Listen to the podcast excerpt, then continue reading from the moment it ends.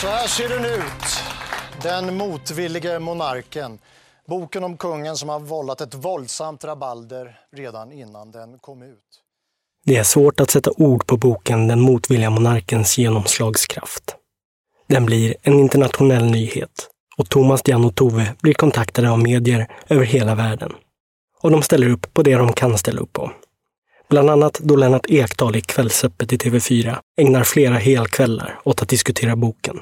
Det är en bok som beskriver ett eh, överklassgäng som festar väldigt mycket, som gör det på ett övertygande sätt, som förses med unga damer i en stridström. Det är inte en särskilt smickrande bild av vår kung som ges i den här boken. Eh, jag vill få börja med Thomas och eh, Diane, några författarna. Tove sitter här också. Eh, det är en tuff bok. Alltså. Hur, hur fick ni idén och varför? Jag upplever bok, resultatet av boken som ganska snällt. Okay. Med tanke på... Det kunde ha varit värre. Mycket värre. Vi, vi har försökt att lindra effekterna av alla de vittnesmål som vi har tagit del utav. Mm. Så att jag känner inte att, att det att ta i det vi har skrivit i boken, tvärsom. Mm. Det är underkant. Mm. Thomas? Absolut, jag håller, jag håller helt och hållet med naturligtvis. Sen får man inte glömma bort heller att det som de senaste dagarnas... Eh, det Diane nämner om att de inte haft med allting de hört och grävt i, utan bara har med det som de har bekräftade uppgifter på, påminner om Stig Edlings citat i intervjun för Sveriges Radio på 70-talet. Att det de publicerade i Pockettidningen är bara var toppen av isberget. Men det är ändå många som är av uppfattningen att allt som står i boken är skvaller och hörsägen. I studion sitter även Mille, en av bokens källor, och tycks något irriterad över att det riktats tvivel mot det han berättat om. Varför ställer du upp nu och berättar vad som hände för ett antal år sedan? För att eh, vet du, tala om sanningen istället för en massa lögner. Jag tycker inte det är några konstigheter. Alltså överhuvudtaget, det är fakta. Mm. Men du tillhandahöll lokaler åt eh, ska vi kalla det kungagänget. Ja, precis. De hyrde eh, måndagsklubben på måndagar. Måndags... Ja, de kallade det för måndagsklubben. Var det i stort sett eh, varje måndag eller hur ofta? Ja, de hade ju abonnerat varje måndag. I studion sitter även Helen Welton, en på 90-talet känd och framgångsrik entreprenör som bland annat tog den bärbara datorn till Sverige. Hon var en av många kvinnor som kontaktades av Christer Gustafsson på 90-talet vilket hon gärna berättar om. Kungen och några andra vänner ska gå på bio och mm. efteråt så ska vi på middag. Men efter vi har varit på middag så skulle vi vilja träffa er och några andra tjejer kommer också. Mm. Och redan då blir jag så här förvånad. Liksom, va? Varför ringer de mig då? Mm. Så jag, liksom, ja, jag får tänka på saker för jag blev så chockad.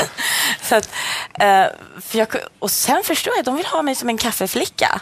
Mm jag menar, en flicka som kommer till kaffet och, och då tänkte jag så här, jag menar, en kung som beställer in kvinnor till kaffe, så kan det ju inte gå till. Mm. Så jag blev oerhört upprörd och tänkte så, så, så kan man ju inte göra i äh, låta, låta kvinnor komma till kaffet. Det är ju, det är ju förskräckligt. Mm. Man, äh, Men du tackade nej, det där var inget för, för, för dig? Nej, jag ringde upp sen och sa att jag absolut inte ville komma. Jag sa, Här föds också benämningen kaffeflicka som kommer att pryda många löpsedlar i månader framöver. Blir ni trodda, Thomas?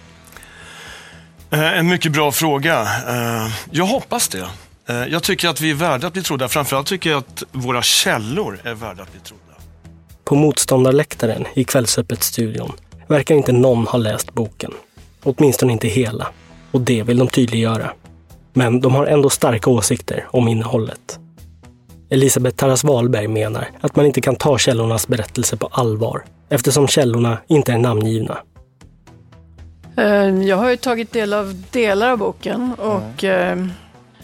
och en biografi för att bli vederhäftig måste ju ha vederhäftiga källor. Om källorna inte vågar ställa upp med namn utan heter A, B, C, D, E, F, G, H och så vidare Eh, så känns det ju som om det inte vore särskilt trovärdigt. Inte heller hovreporten Roger Lundgren tycker att man kan ta bokens uppgifter på allvar. Jag har läst lite bitar i boken, mm. inte stora delar av... Eh, Tror du på det du läser? Eh, både ja och nej. Mycket nej faktiskt. Därför att, Därför att eh, precis som Elisabeth nyss sa här så känns det som att det är väldigt mycket hörsägner i och med att man inte kan verifiera källorna. Och även Patrik Åkesson, ordförande i Royalistiska föreningen, stämmer in i kören. Men hela det här är ju en märklig företeelse egentligen. Det är ju en bok som alla talar om som nästan ingen har läst. jo, men vi har läst den. Ja, men inte jag. Stycken. Och jag har blivit eh, uppringd av ett Jag har bara antal journalister Ja. under de senaste dagarna och det är svårt att uttala sig när man inte vet. Det jag har förstått är ju att mycket av de här avsnitten grundar sig på rykten, eh, källor som är anonyma och eh, det fi- figurerar brottslig verksamhet i bakgrunden och då, då, det blir ingen trovärdighet i det. Diane förklarar varför de valt att anonymisera kvinnorna. De är full, fullkomligt skräckslagna för att träda fram. Idag är de vuxna, lever med familj och barn, har ett socialt liv, yrkesver, eh, yrkesverksamma. Eh, Det är inte bara medien de är rädda för, utan de är även rädda för hot. Du lyssnar på podcasten Motiv om kungaskandalen. Del 5. Mitt namn är Nils Bergman. ja, eh, man konstaterar liksom att våra källor inte är, är till stor del namngivna. Det är väl det som många fokuserar på, att det inte finns eh, källor som har, eh, vill figurera med namn, att det är snaskigt eh, sovrumsskvaller och att eh, det är liksom vi ska låta den stackaren vara i fred ungefär. Det är liksom... Tove Meijer minns att hon besväras något över mottagandet boken får. Hon vet hur mycket tid och energi och omsorg författartrion lagt ner på att verifiera uppgifterna i boken. Och hon tycker att det är synd att så mycket verkar förkastas till sovrumsskvaller. Att kvinnorna Diane pratat med är anonymiserade och källskyddade ser Tove som en självklarhet. Den risken som de personerna, de kvinnorna eh, skulle utsätta sig för att figurera, den var ju verkligen inte värd att ta.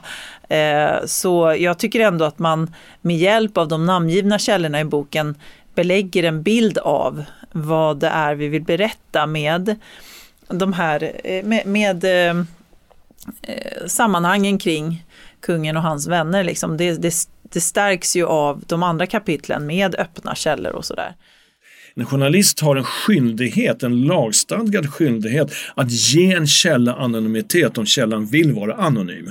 Det är min skyldighet och gör jag inte det så kan jag bli åtalad och fälld för det. För det finns meddelarfrihet och så vidare i det här i- som är skyddad i grundlagen. Våra kvinnliga källor ville vara anonyma och vi gav dem anonymitet. Vi gav dem bokstäver A, B, C, D, F, G, H och så vidare. Boken stämplas som en skandalbok och får ryktet om sig att den bara handlar om skvaller.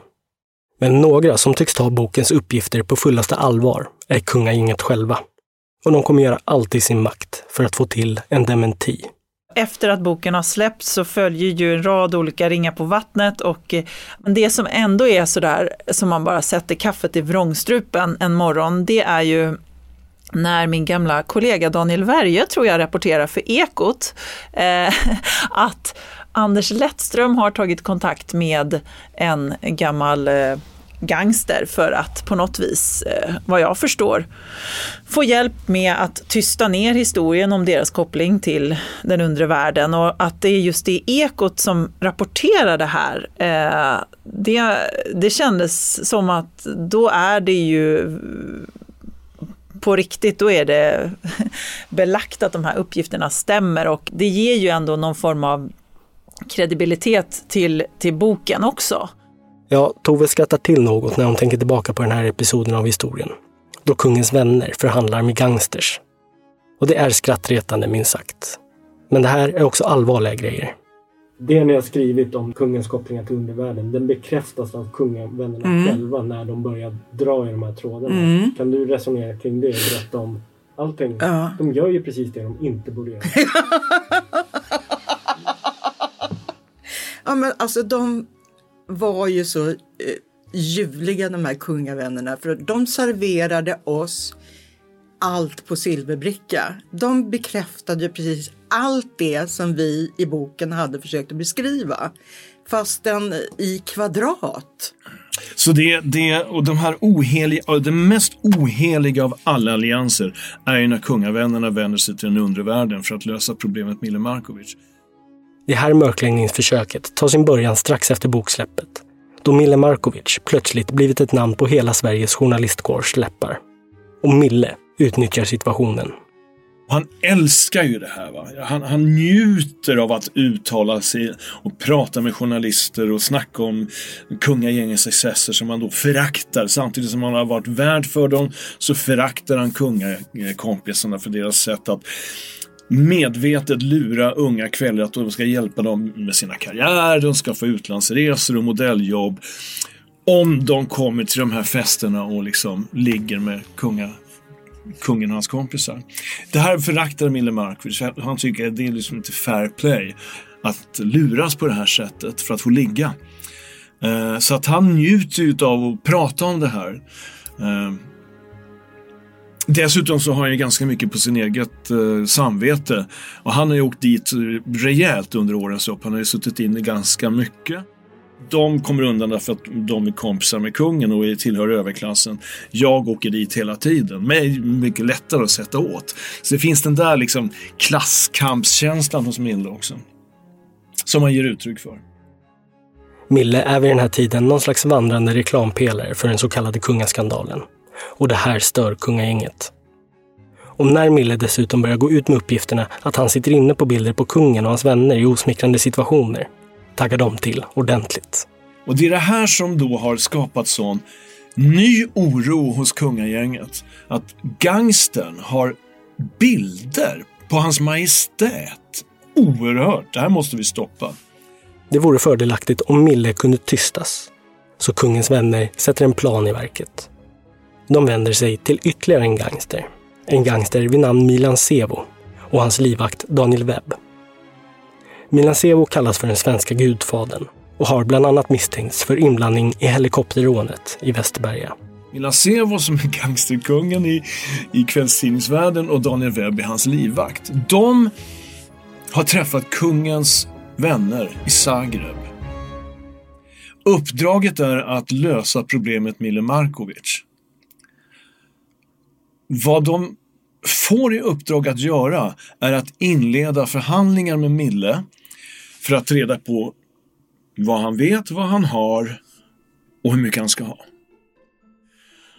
Och det här är en skandal som är, alltså magnituden av den här skandalen, om, om, om kungaboken ansågs vara en skandal, så är det här någonting oerhört, unheard of tidigare att kungens närmaste kompisar tar hjälp av undre världen för att stoppa en annan gangster för att förhindra en publicering av, av, av liksom generande och komprometterande bilder på, på hans majestät. Det är ju oerhört. Varför går de inte till polisen för? Nej, de kontaktar undre världen.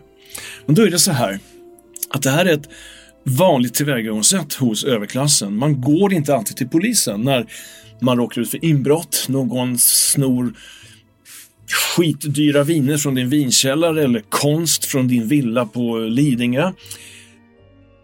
Man går inte till polisen i första hand. Inte nu heller. Man går till den undre världen för att lösa ett problem som har sitt ursprung i den undre världen, det vill säga Mille Markovic. Det är journalister på Aftonbladet som grävt fram det här. Och i början av december går de ut med en artikel som då avslöjar att kungens vänner förhandlat med den undre världen. Det är en artikel som egentligen innehåller allt för att starta en ny våg kungaskandaler. Men det gör det inte. Inte riktigt än. Aftonbladets artikel den liksom lyser ensam som en liten fyrbåk i det här skandalmörkret. Så lyser den här plötsligt upp men ingen verkar reagera på det är faktiskt att Aftonbladet trycker fast på en larmknapp här. För den här historien är inte över, den har precis börjat. Det är inte så att de beskriver ett skeende som redan är avslutat. De beskriver ett skeende som precis har tagit sin början. Aftonbladets artikel får inte det genomslag som den kanske förtjänade. Men de här uppgifterna kommer att brisera ordentligt. Men det kommer dröja ett halvår. Och varför det briserar i maj 2011 har en speciell historia. Det finns en journalist som heter Nuri Kino Prisbelönt, duktig kille, grävande journalist. Han har fått Guldspaden, han har fått Stora Journalistpriset om jag inte minns fel. Och han har också fått några sådana här internationella... Kungens vänners samrören med Milan Sevo kommer få ett nytt uppsving då journalisten Nuri Kino bestämmer sig för att skriva en biografi över Milan Sevo, som han är bekant med sedan tidigare. Och det blir således naturligt för Milan Sevo att då berätta om hans och livvakten Daniel Webbs möten med kungens vänner. Det här är ju sprängstoff för en bok, såklart. Nurikine får då veta, och det här är så, det här är helt, helt och hållet, ja det är så stort. Vad Daniel Webb har gjort, för det är han som träffar kungagänget som då representeras av Anders Lettström. Så efter det här mötet i Zagreb så har Daniel Webb åkt tillbaka till Stockholm, kontaktas av kungagänget, blir inbjuden till ett möte på Oscarsteatern där Anders Lettström är styrelseordförande. Han träffar Lettström flera gånger i styrelserummet på Oscarsteatern. Vad Anders Lettström inte vet är att Daniel Webb som en livförsäkring har med sig en inspelningsutrustning till de här förhandlingarna. Men hur vill du att jag ska gå vägen nu? Ska jag, ska jag ta upp kontakten och fråga? Ja, jag tycker du ska ta upp kontakten och sen ska du försöka få reda på vad är agendan, vad vill han och vad har. Bra. Det är Daniel Webbs röst vi hör i den hemliga inspelningen. Och det är kungens bästa vän Anders Lettström som han pratar med. Och det är Mille Markovic de pratar om. Lettström vill ha reda på vad Mille har för agenda. Vad vill han och vad har han? Jag kan få honom att göra en dementi men det är klart att han, kommer, han vill ha pengar. Så... Ja, men låt mig överväga och se vad, Mm. vad som hämtar in det där. Så Ja. hur man skulle kunna hantera det. Så får, Mm. du väl, får du väl se om det överhuvudtaget finns någon ställe att mötas på. Och risken är väl att han lever i någon fantasivärld när det gäller den biten. Mm. Kanske. Jag vet inte. Men eh, ingen, alla vill väl egentligen få lugn och ro och bara slippa det här jävla eländet. Mm. Precis. De vill få lugn och ro och slippa det här eländet, säger Anders Lettström. Och nämner också att risken finns att Mille lever i en fantasivärld när det kommer till ersättningsanspråket. Och det kommer han ha rätt i. Och jag behöver inte vara orolig för att visa upp något kort på mig själv med brudar. Det är, jag, är inte, jag har inget problem med det. Men det är ju ingen bra för chefen. För han Nej, gift därför hela kanske, om inte du tar det så kanske, för de där nere tänker att ska vi, vi, chefen bör ju underrättas om det här. Ja, det är läget. klart, det är det är klart. skarpt läge. Jag har ringt honom och bett att få en audiens för att tala om vad som är på gång.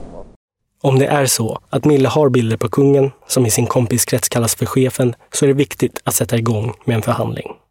Och här bekräftar också Anders Lettström att kungen själv är införstådd i det här upplägget. Och att han pratat om det här med kungen kommer han upprepa vid ytterligare tillfälle under ett senare möte. Efter vårt möte på Kungsholmen så pratade jag med kungen på kvällen. Mm. Och då berättade jag att du hade sagt att eh, han, eh, Mille, kunde tänka sig att dementera Mm. och då ville han ha betalt för det. Och då nämnde jag det här då för kungen. I ett senare möte nämner också Lettström att vännen Aje Philipsson är intresserad av att få det här ur världen. Så där är läget va. Så långt har jag kommit. Och eh, senast jag pratade med Aje var i förmiddags. Mm. Som jag hann mellan två möten ringa honom. Och då sa han så här. Ja men det är ju superintressant om vi kan få en dementi va. Och, och jag, jag är beredd att stödja det så långt det är möjligt för min del va. Och det är viktigt att Daniel Webb känner sig trygg i förhandlingarna, tillägger Lettström. Att han såklart ska få ersättning för den tid de lägger ner.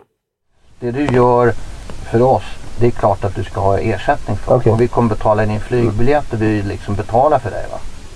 Så att du ska inte känna att du offrar någon tid Nej. eller att, att dina kompisar får pröjsa dig för att de, du springer ärenden åt oss. Utan det ska vara liksom jävligt strajta Mm, rör va. mm. Men det kommer inte bli särskilt strajtarrör när det kommer till ersättningen från kungens vänner. I alla fall inte enligt Daniel Webb och Milan Sevo. Och kungens vänners snikenhet kommer bli deras förfall. Och nu är det nämligen så här att de överhuvudtaget går ut med den här historien mellan Sevo och Daniel Webb beror på att de här förhandlingarna med kungagänget har slutat i ett magplask. Mille har begärt så jävla mycket pengar så att de kungavännerna har inte ansett att de kan betala det och vem ska betala? Ingen har de summorna. Man har pratat om summor på tror jag, upp till 30 eller till och med 50 miljoner kronor som Mille ska ha för att göra, äh, gör, låta kungavännerna få kontroll över bildmaterialet. Han ska också få betalt för att ta tillbaka allt han har sagt i kungaboken och han ska dessutom förmå våra kvinnliga källor, som Mille känner, att också ta tillbaka allt som har sagt i kungaboken. För detta finns det en prislapp och Mille har begärt lite väl mycket pengar. Det blir ingen uppgörelse mellan kungens vänner Milan Sebo och Daniel Webb. Mille står fast vid sin astronomiska summa, som kungens vänner inte tänker betala. Och som Lettström sa så är han ju inte själv orolig för att ha fastnat på någon bild, utan att han gör det här för kungens skull. Men allt har sitt pris och nu när det rör sig om så här mycket pengar verkar kungen få klara sig själv. Men kvar är arvodet för Daniel Webb och Milan Sevos arbete. Att de åtminstone styrde upp en förhandling med Mille och gjorde det de kunde.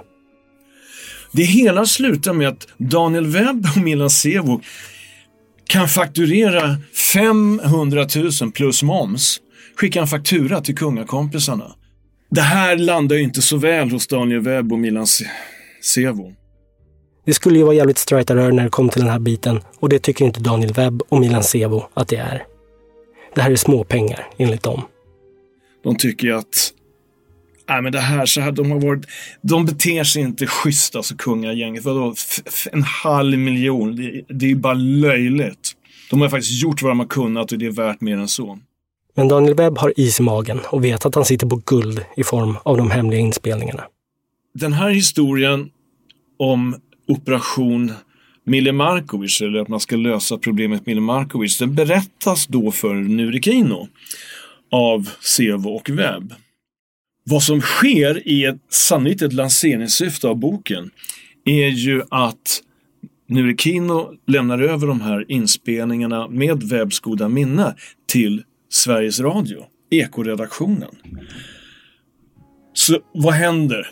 I maj 2011 så går Ekoredaktionen Public Service, Sveriges Radio, ut och med de avslöjande hemliga inspelningarna från förhandlingarna mellan kungavännerna och den undre världen.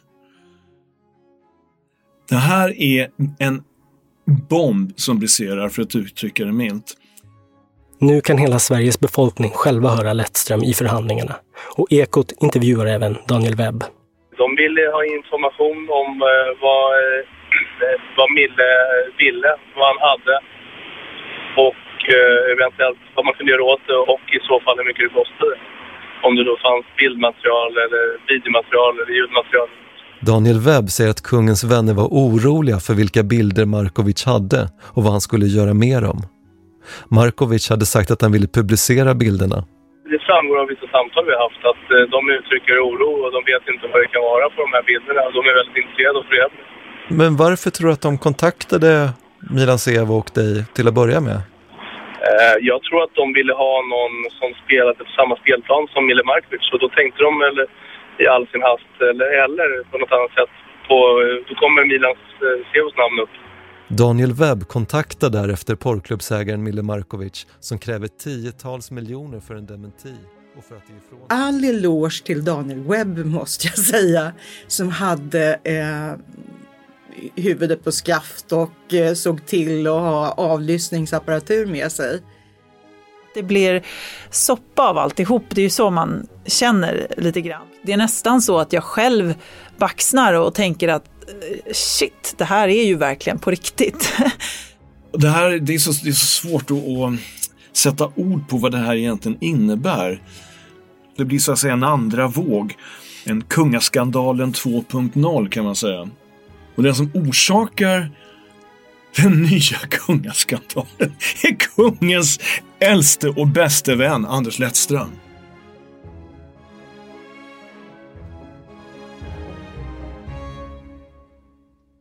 Så vad gör då Anders Lettström i den här situationen?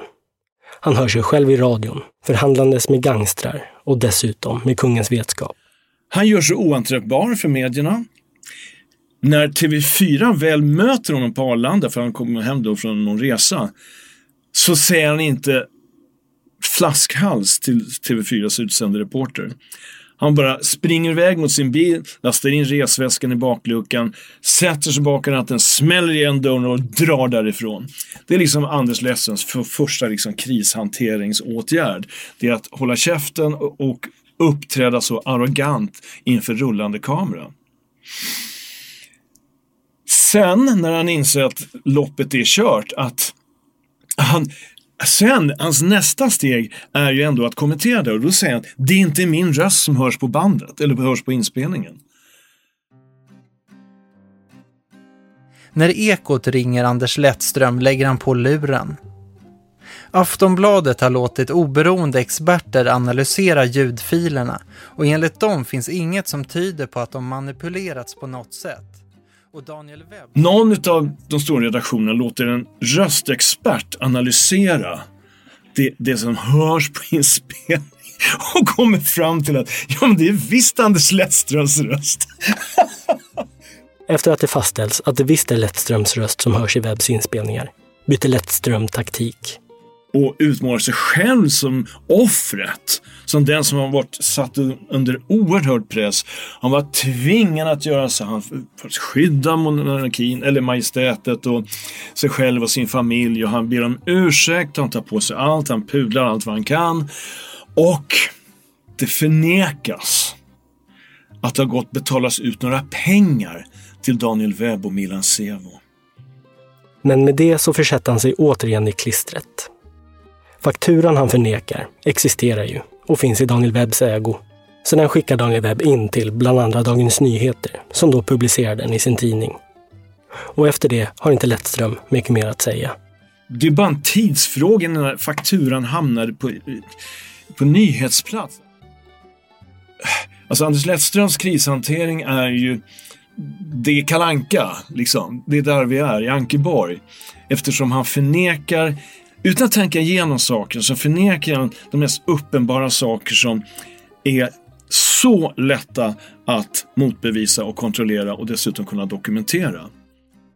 Fullkomligt absurt. Det säger ju en del på nivån i deras förmåga eh, till analys, att, att förneka något så uppenbart. Jag, jag förstår inte hur, hur, hur de tänker eller hur de tänkte. Det är det som är så tragiskt med att kungen omger sig med, med eh, sådana människor. Eh, och det säger väl en hel del om hur, hur det har blivit som det har blivit.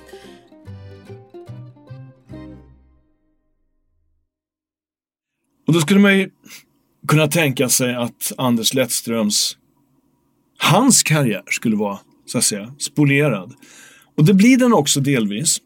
Därför att det som sker nu, det nästa oerhörda, är att kungen bestämmer sig för att göra ett nytt framträdande. Lettström, som indikerat att kungen varit medveten om de här förhandlingarna, har en hel del att stå till svars för nu. Kungen måste nu få mötas med riktiga makthavarfrågor.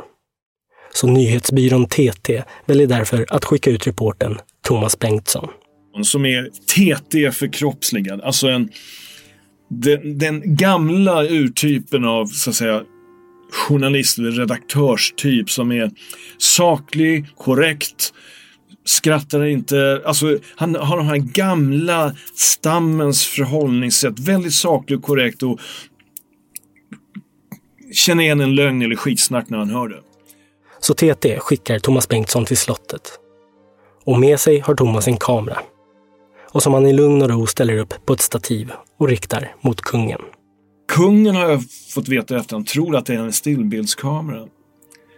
Förstår inte att han ger en intervju som inte bara ska gå ut i skriftlig form, den ska också gå ut i ljudform och ljud och bild.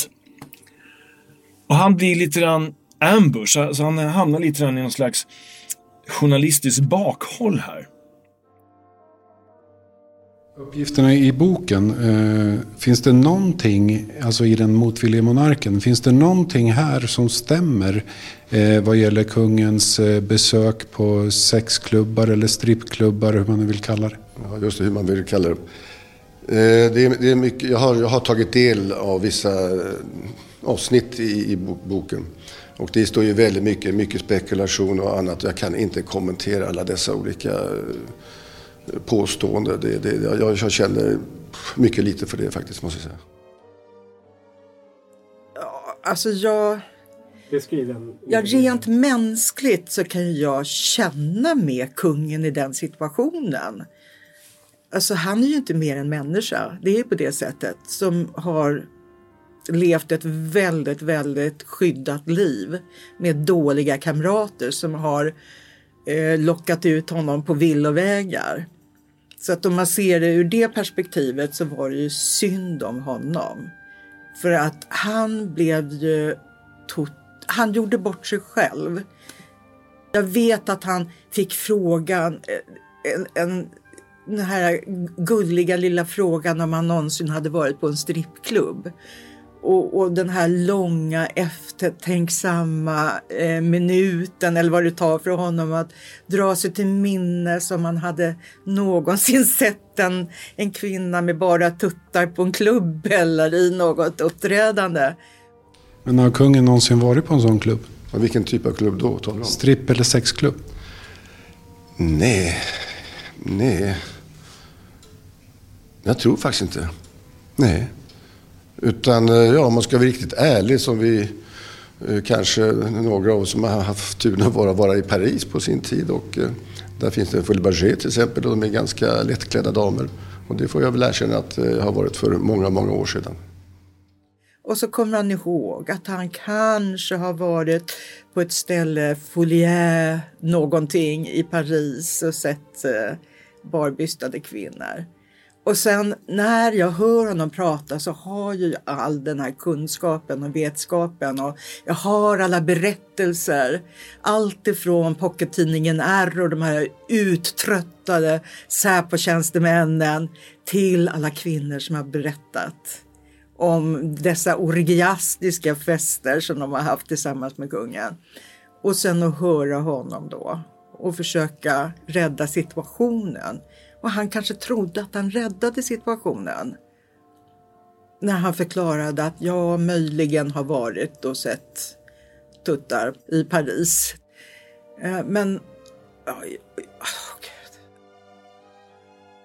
den som ser på intervjun kan ju lätt tolka det som om man skulle ha en sån eh, vad ska man säga, någon som eh, tolkade ansiktsuttryck och så, så känns det ju som att han även här kanske far med osanning, så att säga. Och även den här TT-intervjun fick ju enormt genomslag.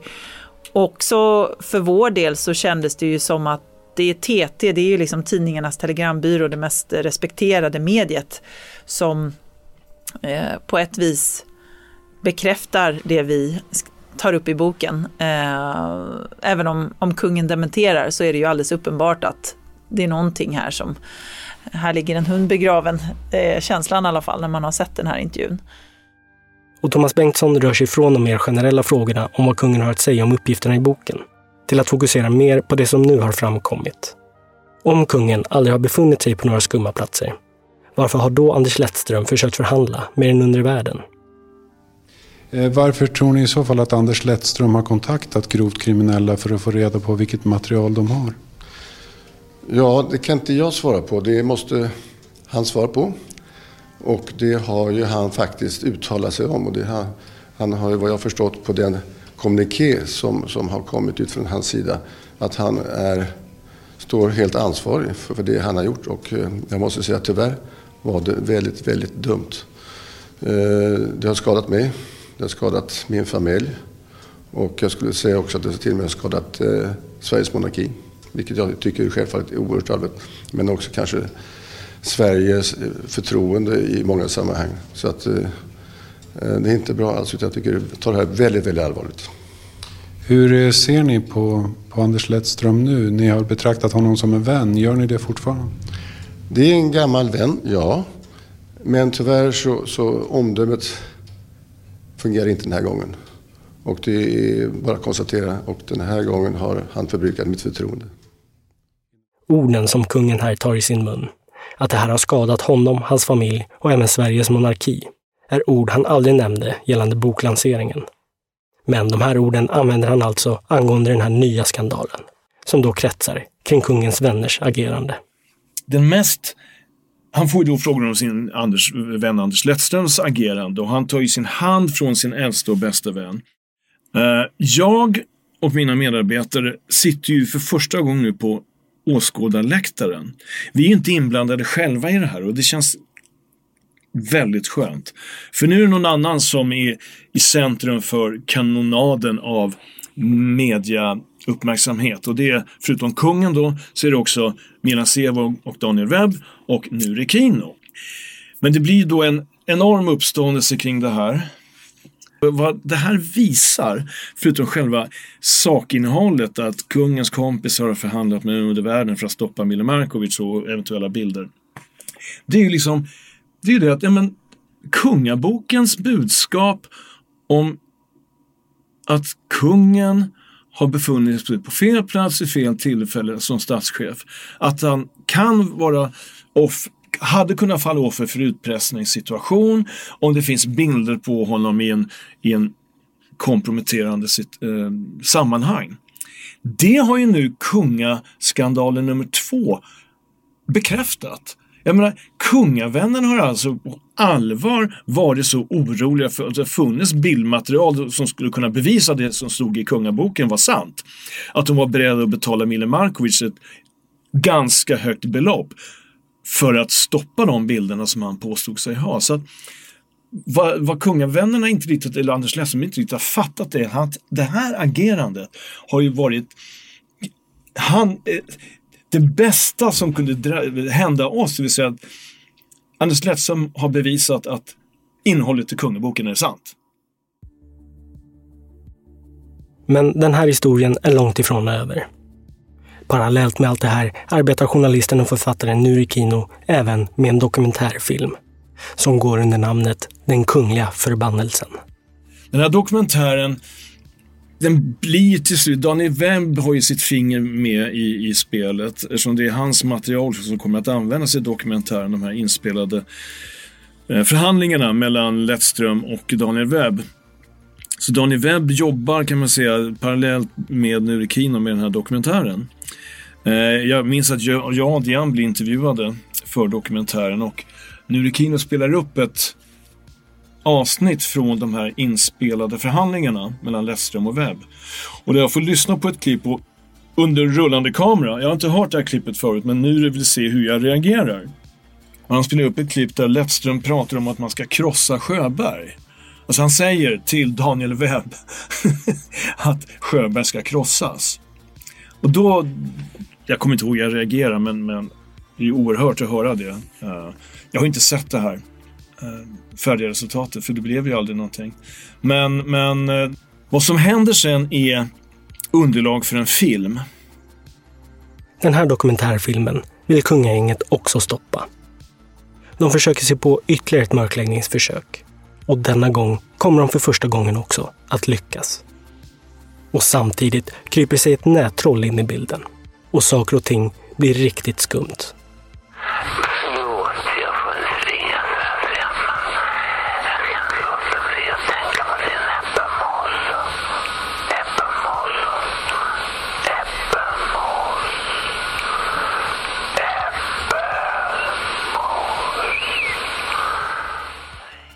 Du har lyssnat på podcasten Motiv om kungaskandalen. En samproduktion mellan Talltale och Sinaida Production. Producerat av mig, Nils Bergman. Medproducent Thomas Sjöberg. Ansvarig utgivare Jonas Häger. Man vet liksom inte fortfarande vad det finns för krafter som är verksamma. Det känns faktiskt så. Som att det är lite farligt på något vis. Och serien om kungaskandalen görs även i samarbete med Lexbase. På lexbase.se kan ni som betalande medlemmar ta del av tre kostnadsfria domar med rabattkoden MOTIV. Och plötsligt så börjar telefonen ringa. Det är media som vill ha min kommentar till att eh, Mille har blivit mördad. Men det var ju massor av tankar då som flög igenom mitt huvud. Eh, men det var ju väldigt sorgligt. Och han visste det själv. Att han skulle dö på det sättet. Tack för ert stöd och tack för att ni lyssnar.